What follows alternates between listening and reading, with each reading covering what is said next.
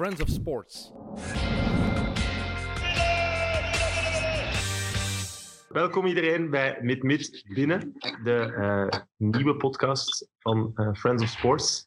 Het concept is eigenlijk simpel. We moeten iets maken niet rond corona en niet rond hoe dat we de competities eh, gaan afwerken, want ja, daar gaat het al overal over. Dus wij gaan het puur hebben met een eh, professionele voetballer over zijn liefde voor het spelletje. Eh, Evert, we zullen bij u beginnen. Wie was uw eerste shirt? Eh, het eh, Dream Team van Johan Cruijff. Dat was mijn eerste shirt. En dat heb ik jammer genoeg, jammer genoeg laten bedrukken met Figo. Toen ook al, of later. Ja, nee, nee. Dus eh, het jaar voor hij vertrok heb ik dat laten bedrukken, denk ik. Eigenlijk. Dat was pijnlijk, dat was echt pijnlijk. Maar je het voor je afdoen? Veel wassen. Ik, ik heb dat shirt nog, ik wil dat wel bijhouden. Het is wel iets uniek. Ja, dat wel. Ja, in, in Amerika nu kun je zo verzekeringen daarop nemen. Hè? Als je een shirt koopt en eh, je ster gaat weg, dat je dan gewoon een nieuw krijgt. Hè? Hoe goed is dat? Dat is misschien wel, wel een teken hè, voor de volgende keer. Hé, maar Sam, jij hebt toch eens een shirt besteld van iemand en je hebt het verkeerde gekregen? Van- dus ik heb dat vorig jaar besteld van, eh, van Rashford op de officiële website van Manchester United. Dus echt, officiëler kan niet. Badges erop genomen en alles. En ik krijg eh, toegestuurd een van Hazard van Real Madrid. Dat was een Echt waar. Ook alles badges erop en zo. Factuur erbij, waar dat gewoon op staat. Rashford, with, including badges, eh, Premier League. eh, alles, gewoon een Hazard-shirt. Dus ik stuur die mannen van, "Huh, ja, hoe kan de officiële webshop van Manchester United nu een Hazard-shirt van Real Madrid opsturen? Ah, sorry, ja, we werken met onderaannemingen, daar zal iets zijn misgelopen, we sturen het alsnog op. Veel plezier met het gratis Hazard-shirt. Voilà. Dat hebben we dan verloten op Mid-Mid. Voilà. Uh, Cyril, dezelfde vraag voor u. Van wie, van wie was eigenlijk uw eerste voetbalshirt? Ehm, ja, dat was van eh, Alessandro Del Piero. Oké. Juventus of Italië? Ja, Juventus, Juventus. Ja, echt. eh, ja, mooi. Ben ik wel trots op eigenlijk dat dat de eerste is, want dat had slechter kunnen zijn. Was dat een, een officieel dan? Of? Nee, heel. Eh, het, is eigenlijk, ja, het is wel een goed verhaal. eigenlijk, want on- on- onlangs, mijn moeder is eh, aan het werken in het huis en die had de kelder leeggemaakt. En die had daar dat truitje gevonden twee weken geleden. En eh, ja, het, is, ja, het is wel mooi om terug te zien, want het was ja, in Turkije op vakantie gekocht. dus het was eh, echt een fake. Echte fake. Mooi. Echt een fake. Als, als ik altijd op vakantie was en we reden zo voor, bij een straatje of gingen door een straatje, toch altijd kijken naar gewoon het rek met allemaal flashy kleuren. En dat je wist, daar zijn die fake shirts, daar kunnen we heel sluiten. Ja, nee, dat is bij ons ook wel erin gebleven. Eigenlijk, Iedere keer als we op vakantie gingen, dan, dan, ja, dan was het, dan was het naar, het naar het stadion een keer rijden of naar het trainingscomplex of, eh, altijd, of naar een wedstrijd. Ik weet dat ik ooit bij Lyon bij een wedstrijd ben geweest. Milaan ben ik presentatie van Ronaldinho geweest ooit, toen, eh, toen hij nog echt groot was en van Barcelona kwam. Dus dat is, wel, dat is altijd wel een vast moment in de vakantie. Top. Was Ik jij... was- Sorry. Vroeger, vroeger, als ik klein was, moest ik ook altijd het bijpassende broekje en de kousen hebben. Zoveel geld kreeg ik niet van mijn ouders. Dat kreeg ik ook, dat kreeg ik ook niet. Hè? Dan was ik kwaad als ik dat niet had. En dan, dan ging ik ook full kit naar school en zo. Full kit, alles, jong. Dat en zo, dat moest helemaal af zijn. Kleine John Terry in eh, Evert Winkelmans. Ja, was jij Del Piero van Evert? Ja, jawel.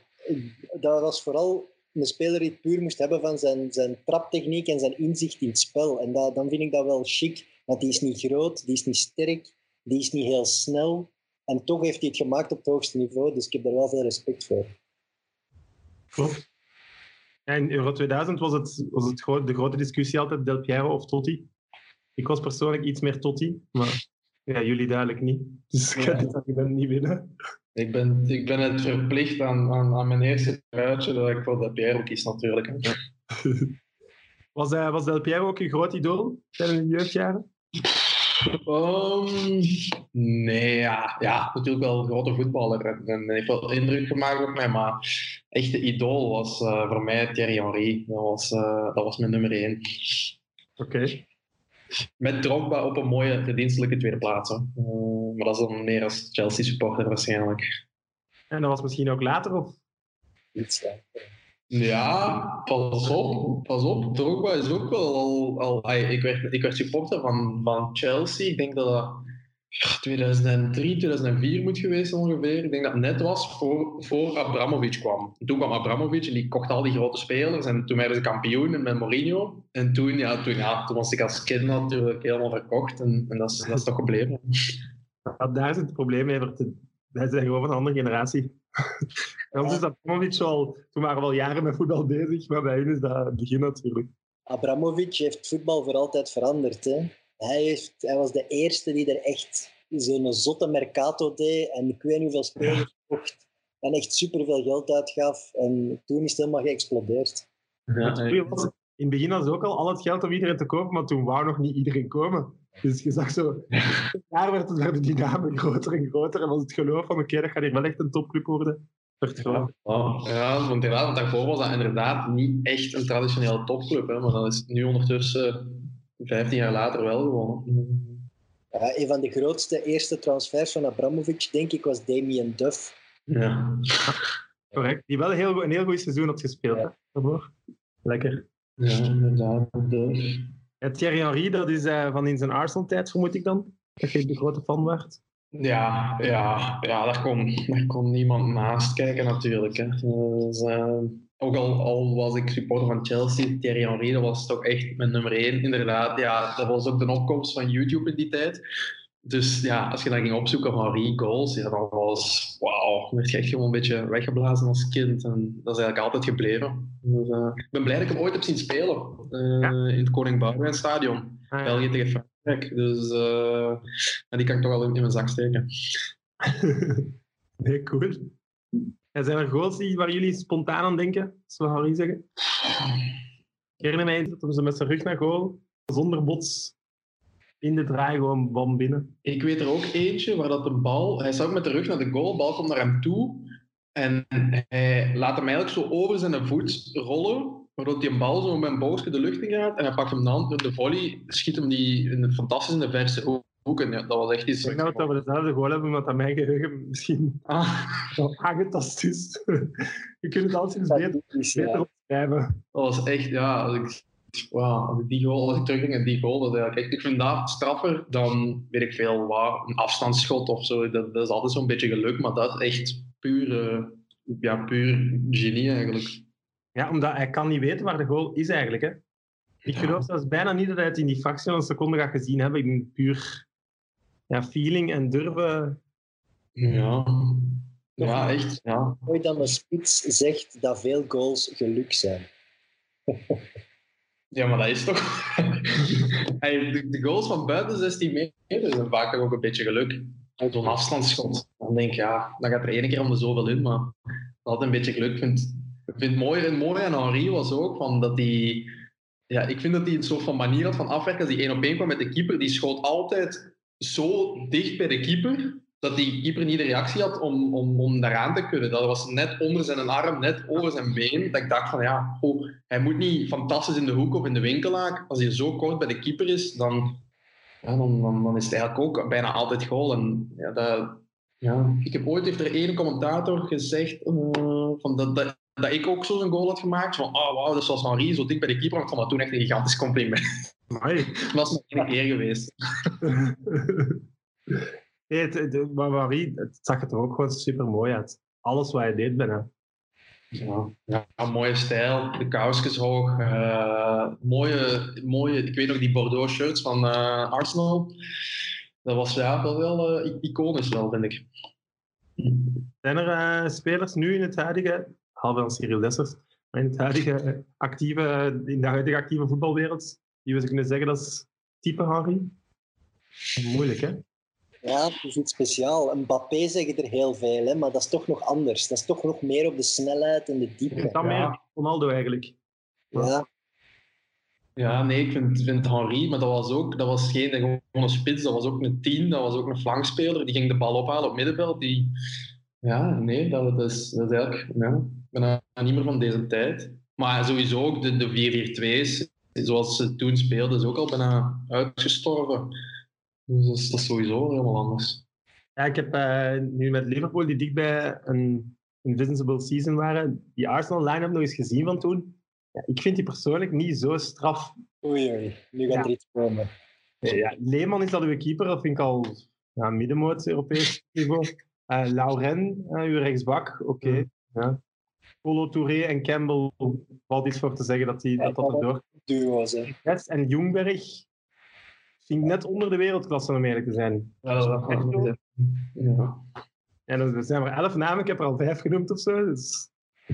Ja, maar, dat is, maar als je kijkt naar Liverpool van nu, de Hendersons en de Milners, dan, eh, dat zijn ook niet waar iedereen van verwacht, de wereldsterren. Maar ja, het is daardoor, denk ik, door die mannen, dat die de echte rastalenten echt kunnen excelleren. Dat die, die moeten niet nadenken over ga ik links of rechts bewegen of verdedigen. Nee, gewoon als je de bal hebt, doe het maar. Dat die daardoor echt in functie van die, van die sterren spelen en daardoor zo'n seizoen hebben kunnen draaien. Ja, dat kan wel kloppen, want allee, Vieira op middenveld is natuurlijk wel wereldklasse. En dan van voor Henri en Bergkamp. Ja, ja, voilà. Nee, maar er is ook zo'n uitspraak waarin dat ze zeggen van dat is gewoon een keistabiele ploeg. En er is zo'n uitspraak waarin dat ze zeggen van dat de, de aanvallers of de, de sterren kunnen een wedstrijd voor u winnen in één moment, maar dat een, een verdediging je seizoen kan winnen of eh, je seizoen kan maken. Dat is hier denk ik wel echt, ja, wel, hier wel echt sprake van geweest. Evert, jij fan van Henri? Van Henri als, als voetballer wel. Ehm, als mens heb ik het er langer moeilijk mee gehad, omdat ik vond dat hij zo wat maniertjes had. Eh, zo, ja, streken. Allee, zo, met die opgetrokken kousjes. eh, de hensbal tegen Ierland. Ja, die heeft zo'n uitstraling, ja, zo'n echte Franse air. Hè. Je kunt dat zo hebben. Ik heb dat bij veel Franse voetballers. Dat is net de reden waarom dat ik daar zo verliefd op zou worden. Maar, Ja. Ja, voilà. Ik ook. Ik heb precies hetzelfde. Ja, die kousjes, ja, ik vond dat fantastisch. Ik, eh, ik, zou dat, ja, ik zou dat nu ook wel proberen, maar mijn kousen zakken altijd af. Maar eh, ja, nee, ik vond dat, ik vond dat top. Ook die hensbal, ja, dat is, dat is ja, willen winnen. dramatisch, maar ja, toen, toen eigenlijk te middel. Hè. Als je naar het EK kunt of naar het WK kunt. Ja, en, en, wie, en wie heeft dat niet gehad als grote voetballer? Als je kijkt naar Zidane of eh, naar Maradona, die hebben allemaal wel een momentje gehad waarin je denkt van oei, dat, je, dat je je niet geliefd maakt, maar uiteindelijk, ja, dan hoort dat, ja, dat er toch graag bij. Ik ben het eens met Cyril. En ooit eh, Champions League gespeeld met Monaco op eh, het Lisp. hè. Juist. Heel jonge gast. Oh, mooi, mooi weetje, mooi weetje. Dus, ik heb onlangs ook een, een podcast van hem geluisterd met Carragher. Dat is ook wel een echte tip, zeker in, eh, in deze tijden. Is dat, wel echt, dat is echt ongelooflijk hoe dat hij erover praat en denkt. En dan, Evert, dan gaat je hem ook leuk vinden. Echt waar. Ja? Ja. Ja, ik ga er naar luisteren, ik geloof het. Voilà. Dat was 97 of zo, hè, die, die Champions League campagne. Oh, Toen was hij nog flink. toen was ik nog maar drie jaar. Hè, toen, Oh. Toen begonnen wij voetbal te kijken, ja, ja, voilà, toen, eh, toen was ik daar nog, niet mee bezig. Oké, een volgende vraag die ik hier had opgeschreven was: eh, wou je altijd spits zijn doorheen de jeugd? Ja, sowieso. ja, ik weet ook wel, er is een tijd geweest dat ik, dat ik wat, wat kleiner en wat fijner was. Eh, en en toen, toen ik bij de eerste ploeg kwam bij Tongeren, in de vierde klasse was dat toen, toen speelde ik op de flank. Ja, gewoon dat ik niet de fysiek had. Maar voor de rest altijd spits geweest en ook willen zijn. Ja, ik denk dat iedereen altijd spits heeft willen zijn. En als je kijkt nu naar mijn ploeg, eh, waar ik nu met jongens mee samenspeel, die zijn ook allemaal ooit begonnen als spits, maar dan gaandeweg door de jaren heen Ja, dat als een plaatsje achteruit, of een rijtje achteruit. Dus eh, ik doe toch iets goed dat ik nog altijd spits ben nu. scoren. Ja. Goed. ehm, een andere vraag is: eh, welke wedstrijd dat je in je carrière hebt meegemaakt nu, tot nu toe dat, waar het meeste druk op stond?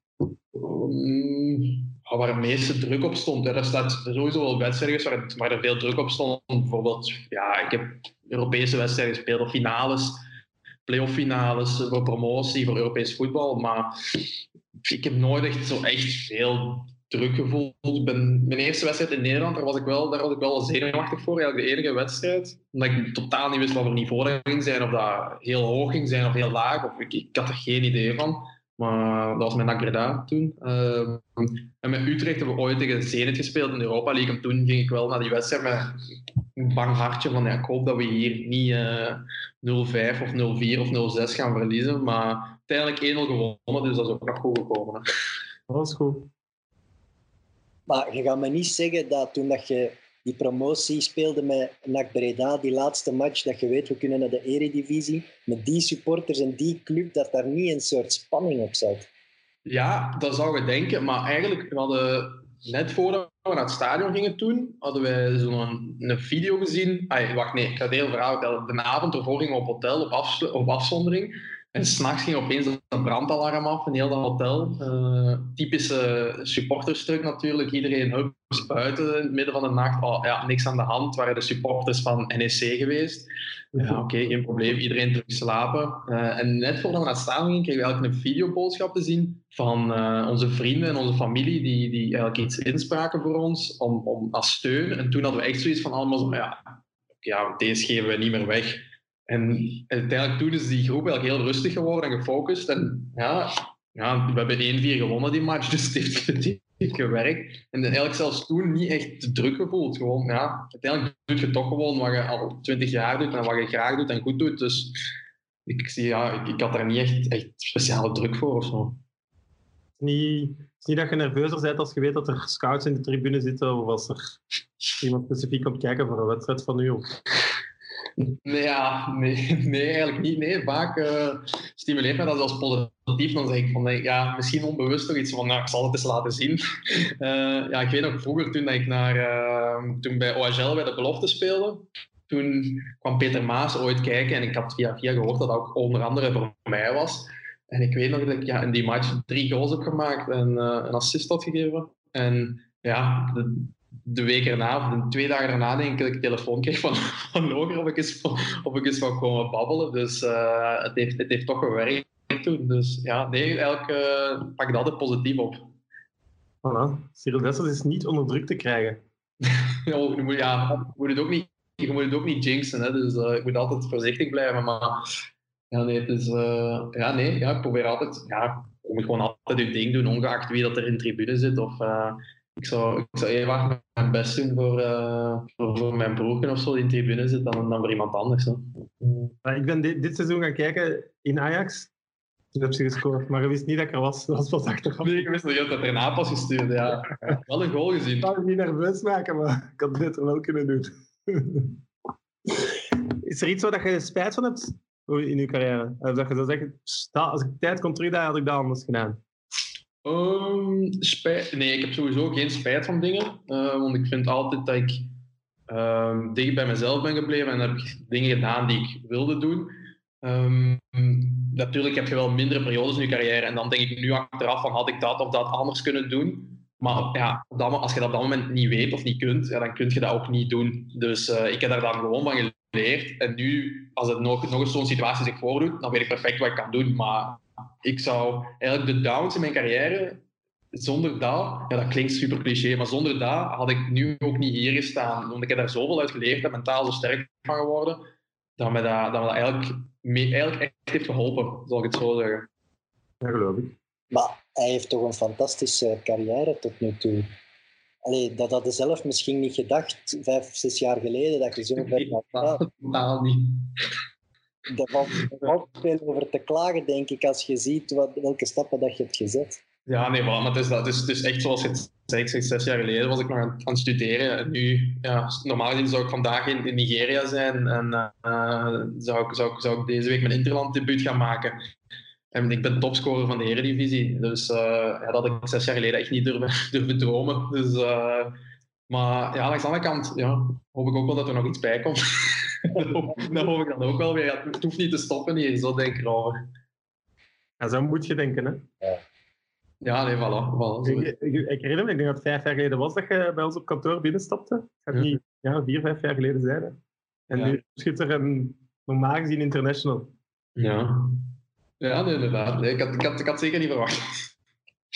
Sam, wij willen ook nog hoger op met Meet Meet, hè? Ja, ja, absoluut. Als technisch alles in orde is, dan kan dat. en dat is misschien het enigste voordeel als een competitie, als we nu zeggen, kom, het is goed geweest tot hier, dan zeg je wel topschutter. Ah ja.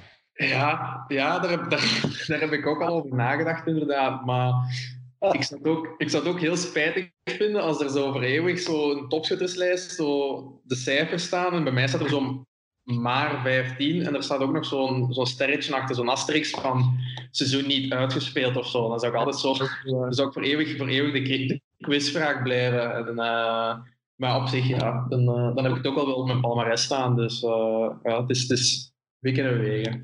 Ook een eer om een goede quizvraag te zijn, want dan zet je ook zo'n speler die iedereen onthoudt voor, ah ja, maar juist, dat is altijd een quizvraag. Ja, dat is Cyril Dessers. Zes ja, dat wel, dat wel. Ja, de mensen gaan je niet vergeten, inderdaad. Voor de quizzers gaan je niet vergeten, zal ik het zo zeggen.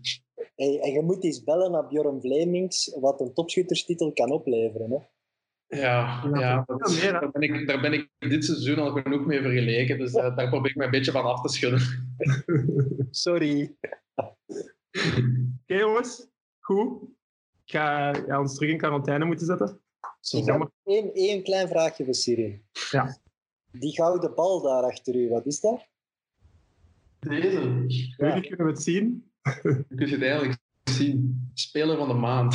Speler van de maand. Dat is, dat, is dat is de enige trofee die mooi genoeg is om hier in de, in de living te mogen staan van mijn vriendin. Ik vroeg me al af waar die Big Belgium van PlaySport stond, die ik wil ja. brengen. Uh, die staat op de, op de logeerkamer bij de, bij de andere, bij de andere bekers. Goed jongens, merci. En uh, tot snel. Hou jullie goed, zou ik zeggen. Nee, zeker. Blijf veilig, uh, blijf gezond, zou ik zeggen. Is goed. Salut. Yo. Friends of Sports.